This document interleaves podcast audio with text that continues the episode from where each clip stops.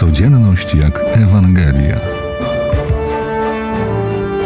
O słowie, które zmienia życie.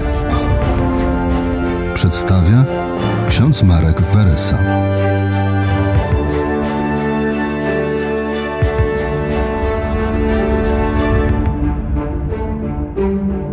Wysłuchanie naszych modlitw przez Boga nie zależy od wielomóstwa.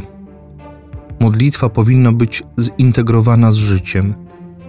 Kiedy trwamy na modlitwie, możemy prosić o wiele rzeczy, ale z tymi prośbami musi łączyć się gotowość wypełnienia woli Boga i przebaczenie tym, którzy uczynili nam krzywdę. Zresztą, te dwie kwestie są wielką łaską Pana Boga. Jeśli potrafimy godzić się z wolą Boga i przebaczyć, jesteśmy naprawdę bogaci.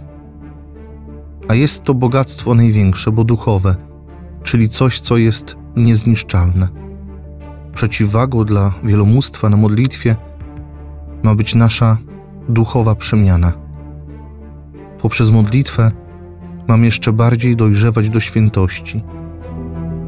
Nowość modlitwy, którą wprowadza Chrystus, polega na wewnętrznej przemianie.